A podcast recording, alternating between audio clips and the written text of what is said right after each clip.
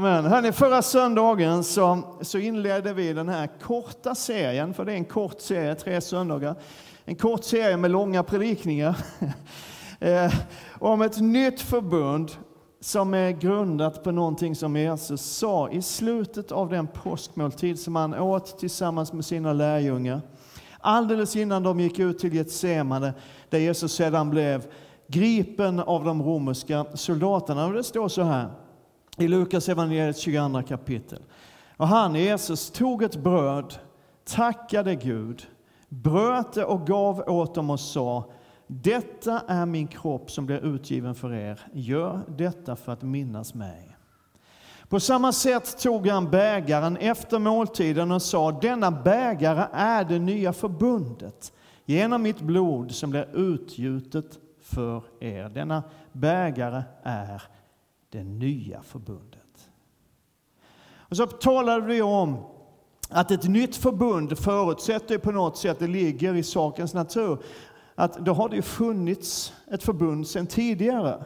Om det kommer ett nytt så har det funnits något innan. Va? Och vi visade faktiskt på att det har funnits några olika förbund eh, tidigare genom Gamla Testamentet. Men framförallt så stannade vi lite grann upp vid det förbund som vi kallar ibland för Sinai-förbundet. Alltså det förbund som Gud slöt med det judiska folket efter uttåget ur Egypten. Och det förbund som hela den judiska tron vilar på och det som Nya testamentet refererar till som lagen. Och vi sa att det gamla förbundet, det var ett villkorat förbund.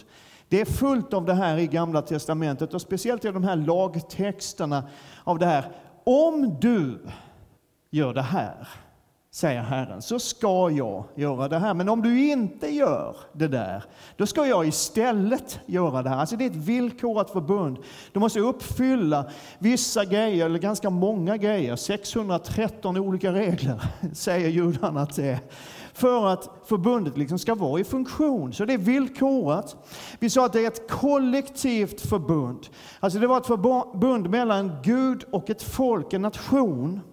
Det var inte individuellt, utan kollektivt. Och det betyder att det hjälpte ju inte alltid att du var skötsam och höll precis hela lagen till minsta punkt och pricka, även om nu ingen har gjort det. Men det hjälpte liksom inte alltid att du var okej. Okay. Därför att om kungen var kass och korrupt och skum och följde andra gudar och gjorde det som var ont i Herrens ögon, ja men då drabbades hela folket av Guds straff. Så det var ett kollektivt förbund. Och så var det ett allt eller inget förbund, sa vi också. Därför att vi gör ju så där ibland. Vi, vi tänker att ja, men vi kan ta någon del av det gamla förbundet och så praktiserar vi den, tionde givande eller vad det nu är för någonting. Så här.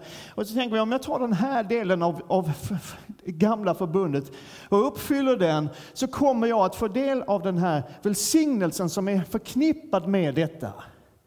Men grejen är att det har aldrig någonsin fungerat på det sättet, därför att Gud är väldigt tydlig. Han säger 5 Mosebok 28 att du ska hålla alla mina bud och alla mina stadgar. Då kan du få del av välsignelsen. Men om du inte håller alla mina bud och alla mina stadgar så kommer förbannelsen över dig istället. Så det är allt eller inget. Inte en liten bit här och en liten bit där, utan det är liksom, väljer man att leva i det gamla förbundet så får du se till att du uppfyller allt. Annars funkar det inte.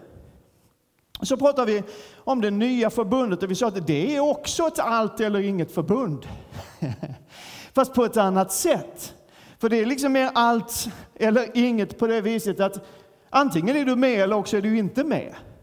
Och du kan inte vara lite med, utan antingen så är du med på riktigt, eller också är du inte alls med. Den som har sonen har livet. Man kan inte ha lite liv, utan antingen så lever man eller också är man död. Eller hur? Det finns liksom inget mellanting där. Man kan ju vara på väg åt ena eller andra hållet, men, men du fattar vad jag menar, eller hur? Den som har sonen har livet, den som inte har Guds son har inte livet. Det är allt. Och grejen är att, är du med så har du allt som ingår. Vi sa att det nya förbundet bygger inte på dig. Inte på mig heller. Prisat vare Herrens namn för det. Det bygger inte på din prestation, din förmåga att hålla buden och leva rätt, utan det hänger helt och hållet och bygger helt och hållet på vad Jesus har gjort för dig. Amen. Ja, det är värt ett amen. Om du bara fattar vad det betyder så skulle du säga amen. Och så sa vi också att i det nya förbundet så behöver du inte kämpa för välsignelsen, du behöver inte sträva efter välsignelsen. För i det nya förbundet är all välsignelse redan din. Om du är med. Amen. Hebreerbrevet, jag vet inte hur många som läser Hebreerbrevet sådär dagligen, så jag älskar Hebreerbrevet Eh, och ty tycker det är fantastiskt. Men Hebreerbrevet pratar ganska mycket om Hebreerbrevets författare som vi inte riktigt vet vem det är. Men han för hela tiden ett resonemang, jämför det gamla med det nya, gång på gång, på, rakt igenom hela Hebreerbrevet. Han säger så här, att lagen åstadkom ju inte något fullkomligt, Hebreerbrevet 7. Lagen åstadkom ju inte något fullkomligt, men ett bättre hopp har kommit. Och genom det bättre hoppet, träder vi fram inför Gud. Vers 22. Så är också det förbund som Jesus har gått i borgen för mycket bättre. Amen.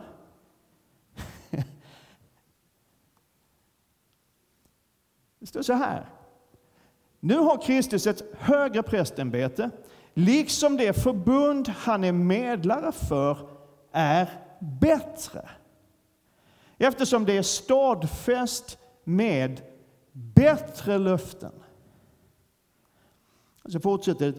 För om det första förbundet hade varit utan brist skulle det inte behövas plats för ett andra.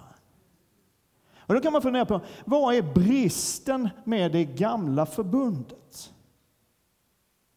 För det står det ju här att det finns en brist i det gamla förbundet. Bristen i det gamla förbundet är att de inte kunde frälsa.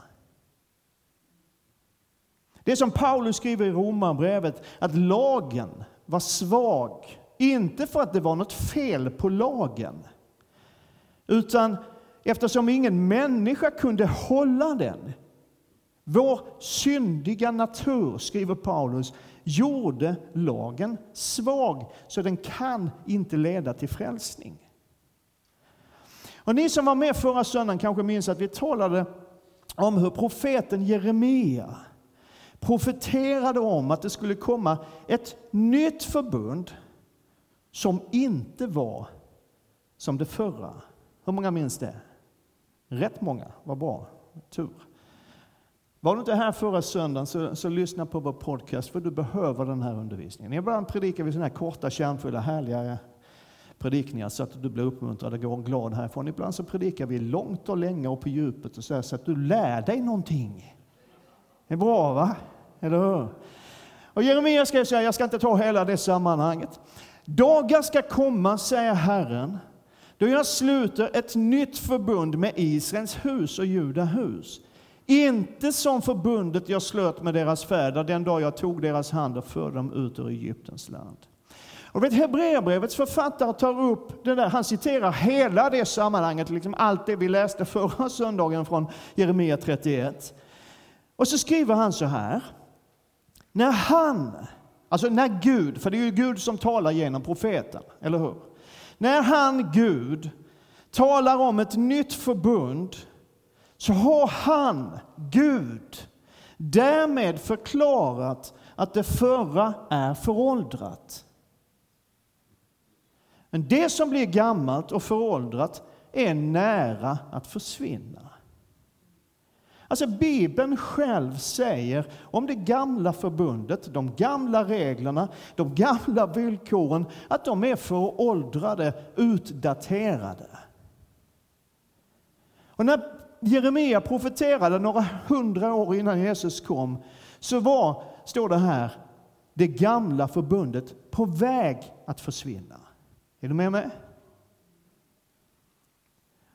Och som vi kommer att se idag, så när vi lever nu efter allt vad Jesus har gjort, så är det gamla försvunnet. Det gäller inte längre.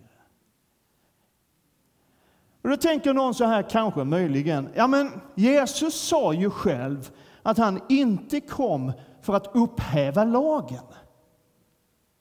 Hur får du ihop det Hultberg? Alltså grejen är att det stämmer ju, Jesus sa det där, jag har inte kommit för att upphäva lagen, men han sa någonting mer. Han sa så här, tro inte att jag har kommit för att upphäva lagen eller profeterna. Jag har inte kommit för att upphäva, utan för att fullborda. Jesus underkänner inte lagen. Jesus riktar ingen kritik mot det gamla förbundet. Han har ju själv instiftat det. Han upphäver inte de gamla villkoren heller, utan han fullbordar dem. Eller som det står i den nyare versionen av Svenska folkbibeln och Bibel 2000, han uppfyller dem. Och när villkor har blivit mötta och uppfyllda så kan ju någonting nytt hända, eller hur? Jesus fullbordade allt som det gamla förbundet krävde. Allt. Och vad betyder det då att fullborda någonting? Om du bara slår upp en enkel synonymordlista så hittar du rätt många ord. Det betyder att slutföra. Det betyder att göra färdigt. Det betyder att fullända och det betyder att avsluta. Det betyder inte att kassera för att det var dåligt, utan att föra det till fulländning, att slutföra det, att göra det färdigt och därigenom avsluta det. Och Jesus säger vidare i samma sammanhang där i Matteus 5. Jag säger sanningen, innan himmel och jord förgår ska inte en bokstav, inte en prick i lagen förgå, inte förrän allt har skett. Alltså till och med himlen och jorden kan förgå. Om hela världen så som vi känner den skulle gå under så är det ändå inte det som avgör ifall lagen står kvar eller inte. Lagen står kvar tills det har skett som ska ske. Eller som New International Version uttrycker det, until everything is accomplished. Alltså tills allt har uppnåtts. Tills allt är klart. Tills det är färdigt. Fredagen under judarnas påsk. Under natten har Jesus blivit arresterad. Han har blivit förhörd. Han har blivit torterad. Han har blivit dömd till döden. Han har blivit fastspikad på ett kors som har rests upp på en kulle alldeles utanför stan. Och Johannes berättar vad han sa sekunderna innan han gav sitt liv. När Jesus hade fått ättikvinet sa han Det är fullbordat. Det är fullbordat. Han böjde ner huvudet och överlämnade sin ande. Det är fullbordat. Pastorn och teologen John Piper, som jag gärna lyssnar på och läser, skriver i sin bok A Peculiar Glory så här. Förvisso är det många instruktioner och regler och religiösa seder och ritualer från Gamla Testamentet som inte längre ska utövas. Men detta beror inte på att dessa sedvänjor och regler var felaktiga, utan för att de var tillfälliga och pekade fram mot den dag då Jesus Kristus skulle uppfylla dem och därmed göra slut på dem. Kristi ankomst gjorde dem överflödiga. Får jag bara ge dig ett enda exempel? Ett långt, men dock. I Gamla Testamentet så spelade offren en central roll, det vet vi. Det fanns en mängd olika offerriter. Och Hebreerbrevets författare för ett långt resonemang kring alla dessa offerriter. Och, och, så och Det skulle kunna vara ett helt bibelstudium i sig själv, men jag tror inte så många skulle komma på det, så vi tar inte det. Men bara några verser från kapitel 10. lagen innehåller endast en skugga av det goda som kommer och inte tingen i deras verkliga gestalt. Därför kan lagen aldrig genom samma offer som ständigt år efter år frambärs fullkomna de som träder fram. Alltså, lagen kan inte frälsa, inte göra oss fullkomliga genom att rena oss från synd. Lagen kan inte det. Så fortsätter det. Skulle man inte annars ha upphört att offra? Det är en retorisk fråga. De som förrättar offertjänsten skulle då redan en gång för alla ha blivit renade och inte längre haft några synder på sitt samvete. Alltså om offren, menar Hebreerbrevets författare, om offren verkligen hade funkat så skulle man bara ha behövt offra en enda gång. Men offren i gamla förbundet, i gamla testamentet, är bara en skugga, en bild av det goda som skulle komma. Och så fortsätter det i vers 11 i Hebreerbrevet 10. Alla andra präster står dag efter dag och förrättar sin tjänst och bär gång på gång fram samma offer som aldrig kan ta bort synderna. Men Jesus har framburit ett enda syndoffer för alla tider. Och han har satt sig på Guds högra sida. Vers 14. Genom ett enda offer har han för alla tider gjort dem som helgas fullkomliga. Och sen tar författaren på nytt, han tar upp den här flera gånger, på nytt igen upp den här profetian från Jeremia som vi har läst flera gånger tillsammans nu. Och så skriver han så här. Om detta vittnar också den helige Ande. Först säger han, detta är det förbund som, ska sluta med, som jag ska sluta med dem efter denna tid, säger Herren. Och sen, jag ska lägga mina lagar i deras hjärtan och skriva dem i deras sinnen. Och deras synder och överträdelser ska jag aldrig mer komma ihåg. Och där synderna är förlåtna behövs det inte längre något syndoffer. Som John Piper skrev, Kristi ankomst gjorde dem överflödiga.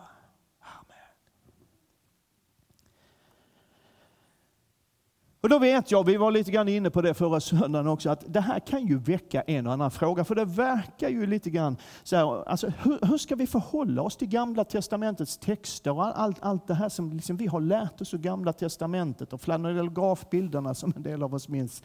Och alltihop det. För man får ju, Hultberg, lite grann intrycket ändå av att du anser att Gamla Förbundet och Gamla Testamentet är en aning överspelat och lite ersatt. Man kan känna en antydan av det, eller hur? Du vet, när du öppnar din bibel, det vet du, så ganska snabbt så kommer du till en sida där det står Gamla Testamentet. Hur många vet det? Ni andra borde gå hem och skämmas här. Och du vet, 39 böcker framåt så har du en ungefär likadan sida som säger Nya Testamentet. Och det är lite olyckligt, åtminstone utifrån det här perspektivet, att latinet på 600-talet ersatte grekiskan som liksom dominerande världsspråk. Varför det? Jo, därför att för oss så har ordet testamente betydelsen framför allt, tror jag, av det här en människas sista vilja. Det här dokumentet där du har skrivit ner hur din enorma förmögenhet ska för, för, fördelas liksom efter ditt frånfälle och så här. Men det är inte exakt ordets ursprungliga betydelse. För när Bibeln översattes till latin, när latin liksom hade tagit över den här världen, så översatte man de hebreiska och grekiska orden för förbund med det ord som låg närmast i latinet. Testamentum. En del har sett det så här i gamla biblar, så Novum Testamentum, Nya Testamentet. Och jag tänkte ibland, kanske hade det varit lättare för oss att förstå skillnaden mellan Gamla Testamentet och Nya Testamentet om vi istället hade talat om, om det hade stått liksom på försättsplanen, Gamla Förbundet och Nya Förbundet. För grejen är, Vi talade lite grann om det i söndags. Alltså det finns ju en tendens hos oss lite grann att mixa in, att plocka lite delar från det gamla förbundet och tänka att det här funkar nog nu också. Det låter så härligt så, så vi försöker. liksom. Eh, och, och, den kristna församlingen har någonstans ända sedan början och i stort sett genom alla tider haft svårt att riktigt våga lita på att det nya förbundet ersätter det gamla. Vi lär fortfarande, tror jag, jag vet inte, men, men liksom, åtminstone när jag gick i söndagsskolan, man fick lära sig tio Guds bud. Det gör ni i söndagsskolan. Ja. Jag ska återkomma till dig. Nej. Och sen, nej men alltså vi, vi hämtar ju grejer från det gamla förbundet. Vi har svårt någonstans att riktigt lita på att det nya förbundet faktiskt ersätter det gamla förbundet. Det har liksom alltid genom församlingens historia funnits en tendens att mixa. Ibland har det varit lite av det gamla och mycket av det nya. Och ibland så är det mycket av det gamla och lite av det nya. Tänk adventistsamfundet eller, eller ja, gör inte det förresten. Vi ska prata mer om det här nästa söndag, men jag vill ge dig en sån här. Jag tycker om att ge dig lite smakbitar. Vi har nämligen gjort ett litet skifte. Så jag tar nästa söndag också. Det skulle varit Aron, men jag har bett om nåden att få predika en gång till innan Herren tar hem mig. Nej, men och vi kommer att visa nästa söndag hur Paulus faktiskt varnar för den där mixen. Därför att den utgör ett hot mot evangeliet. Och han går så långt så han säger att en sån mix av det gamla och det nya är ett förvrängt evangelium som bara skapar förvirring. Det är allvarliga ord, eller hur? Var här på söndag också. Amen. Vi tar det nästa söndag. Men det finns en grej som vi behöver ha en insikt om. Ja, nu ber jag om nåd. Vi säger ofta att hela Bibeln är Guds ord till alla genom alla tider. Och det är det ju förstås. Jag står inte här idag och säger att du inte ska läsa Gamla testamentet, att du kan riva ut ur din bibel och kasta bort det. Det har jag inte sagt och kommer inte att säga. Däremot skulle jag tycka det var bättre ifall Nya Testamentet kom först, när man binder ihop Bibeln. Men det är en annan sak. Men vi behöver förstå att Gamla Testamentet och Nya Testamentet inte är två helt likställda delar av Guds ord till alla människor i alla tider. För den första delen handlar om förbundet mellan Gud och ett folk en nation. Ett förbund som hade som sin primära, och jag vågar säga enda mål och syfte att leda fram till ett nytt förbund. Vad var syftet med Guds utväljande av Abraham, nationen Israel? Hela syftet var att Jesus Kristus, Guds son, Gud själv, skulle födas in i den här världen. Det var hela syftet. Det är allt vad det gamla förbundet handlar om. Att se till att Jesus Kristus kommer in i den här världen. Det är vad det handlar om. Den andra delen handlar om detta nya förbund som ersätter det gamla. Ett bättre förbund som är stadfäst med bättre löften. Och innan du nu ringer till samfundsledarna i både pingst och, och EFK för att berätta att vår pastor försöker undanröja tron på hela Bibeln som Guds ord, så, så låt mig ge dig ett exempel som förklarar vad jag menar, vad jag är ute efter. Så här. Du kan läsa Gamla Testamentet varje dag i hela ditt liv, år efter år Dag efter dag, vecka efter vecka, månad efter månad, år efter år i hela ditt liv utan att någonsin finna vägen till frälsning. Om du bara, vågar jag säga, om du bara läser Gamla Testamentet så kommer du aldrig att hitta frälsningens gåva. Då invänder kanske någon så här, ja men det står ju i Joels bok hur man blir frälst. Bra att du tar upp det. Det står så här. Det ska ske att var och en som åkallar Herrens namn ska bli frälst. Solklart, det står ju där. Eller hur? Den som åkallar Herrens namn ska bli frälst. Då berättar ju Gamla Testamentet om vägen till frälsning. Ja, men problemet är ju att Gamla Testamentet aldrig någonsin talar om för dig vad detta Herrens namn är. Eller hur? Och så här säger Petrus när han tillsammans med sin kompis Johannes står inför Stora rådet i Jerusalem att Jesus är stenen som ni byggnadsarbetare förkastade men som har blivit en hörnsten. Hos ingen annan, säg ingen annan. Hos ingen annan finns frälsningen och under himlen finns inget annat namn som människor har fått genom vilket vi blir frälsta. Du kan inte bli frälst om du inte lär känna Jesus Kristus. Om du inte förstår och får uppenbarelse om vem han är och tar emot den gåva av evigt liv som han mer än någonting annat vill ge till dig. Du kan läsa Gamla Testamentet dag ut och dag in i hela ditt liv utan att förstå frälsningens gåva och frälsningens väg. Men både du och jag känner, eller har åtminstone hört talas om människor som har läst ett av evangelierna, eller kanske bara en del av något av evangelierna. Inte ens hela evangeliet, men de har fått syn på Jesus Kristus, de har fått uppenbarelse om vem han är, tagit emot honom som frälsare och Herre och fått sina liv förvandlade. Det är skillnaden mellan gamla och nya testamentet. Och samtidigt så vet vi också att i den svenska bibeln, alla svenska bibelöversättningar faktiskt, så kommer det bara sju ord in i texten innan du är tillbaka i Gamla Testamentet.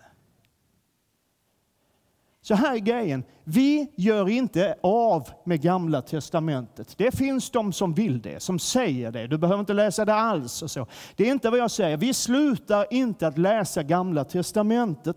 Vi förklarar det inte ogiltigt. Men vi sätter in det i sitt sammanhang och med rätt perspektiv. Är du med mig?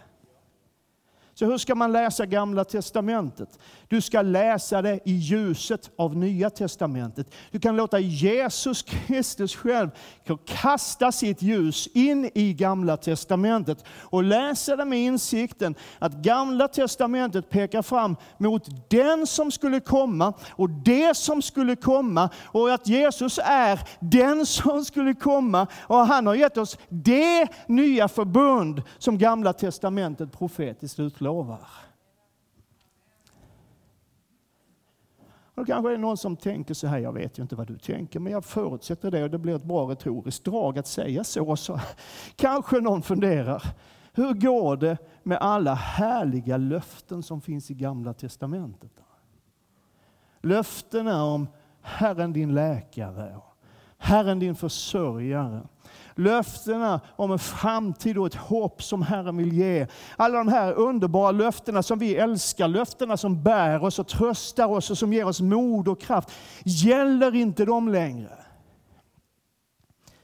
Levi Petrus han skrev 1913 om löftena som inte kan svika.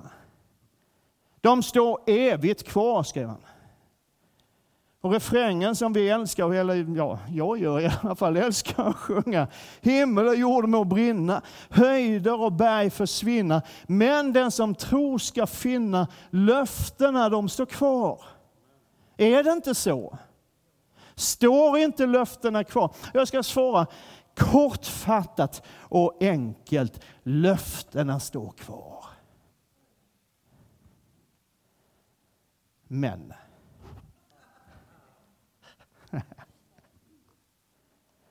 De står inte kvar under det gamla villkorade förbundet. Där det hänger på dig och din förmåga att hålla buden och leva heligt och klara av det. Utan löftena, och det här är ju så underbart att säga, löftena har flyttats över till det nya förbundet där inget hänger på dig, där allt är av nåd och där allt vilar på vad Jesus redan har gjort för dig. Så här skriver Paulus i Andra Korinthierbrevets första kapitel. Guds son, Jesus Kristus, som vi har predikat hos er, jag och Silvanus och Timoteus, han kom inte som både ja och nej. Alltså han kom inte som det gamla villkorade förbundet. Om du så ska jag, om du inte så ska jag istället. Han kom inte med ett antingen eller. Han kom inte med ett så här eller så där. Han kom inte med både välsignelse och förbannelse. Han kom inte, säger Paulus, som både ja och nej. Utan i honom har det kommit ett Ja. Jesus Kristus är Guds stora ja till dig. Och så säger han, och alla Guds löften, säg alla Guds löften, har i honom fått sitt ja. Jag gillar den riktigt gamla svenska bibelöversättningen. Är det någon som har förstått det innan? 1917 års översättning. Ty alla Guds löften, så många det äro, har i honom fått sitt ja och sitt amen för att Gud ska bli ärad genom Gäller de gamla löftena? Klart de gör, men de gäller Jesus Kristus. De gäller i ett förbund där allt redan är ditt. De gäller i ett förbund där du inte behöver sträva och kämpa och slita och försöka behaga Gud så att du möjligen till äventyr skulle få en liten droppe av välsignelse. Utan löftena gäller i ett förbund där all himmelsk välsignelse redan tillhör dig om du är med i förbundet.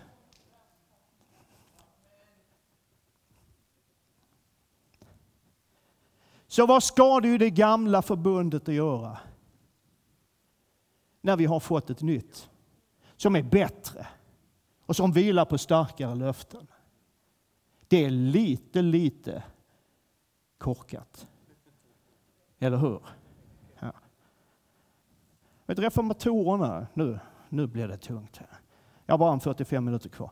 Reformat Nej, Reformatorerna talade om fem solär. Eller de fem, en försvenskad version, de fem solarna. Hur många har hört talas om det? Inte så många. Men när jag förklarar det så kommer du att upptäcka det. Sola i latin och betyder alena, eller endast, eller bara. Och jag tror att en del av er känner igen de här skriften alena nåden alena, tron alena, genom Kristus alena och till Guds ära alena. Det här är fantastiskt. Det här ska vi ha en predikoserie om framåt hösten till.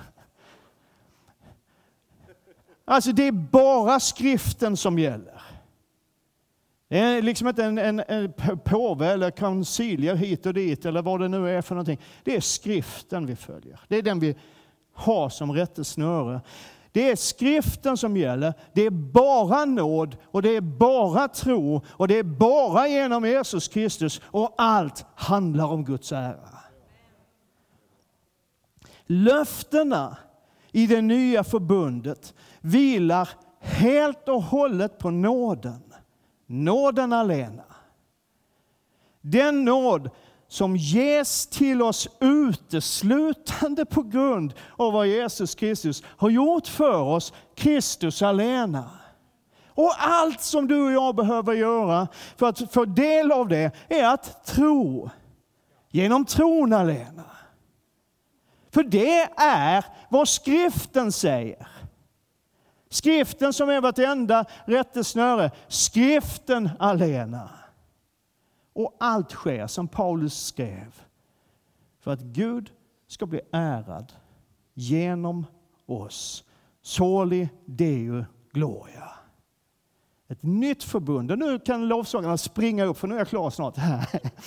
Ett nytt förbund, ett bättre förbund som vilar på starkare löften.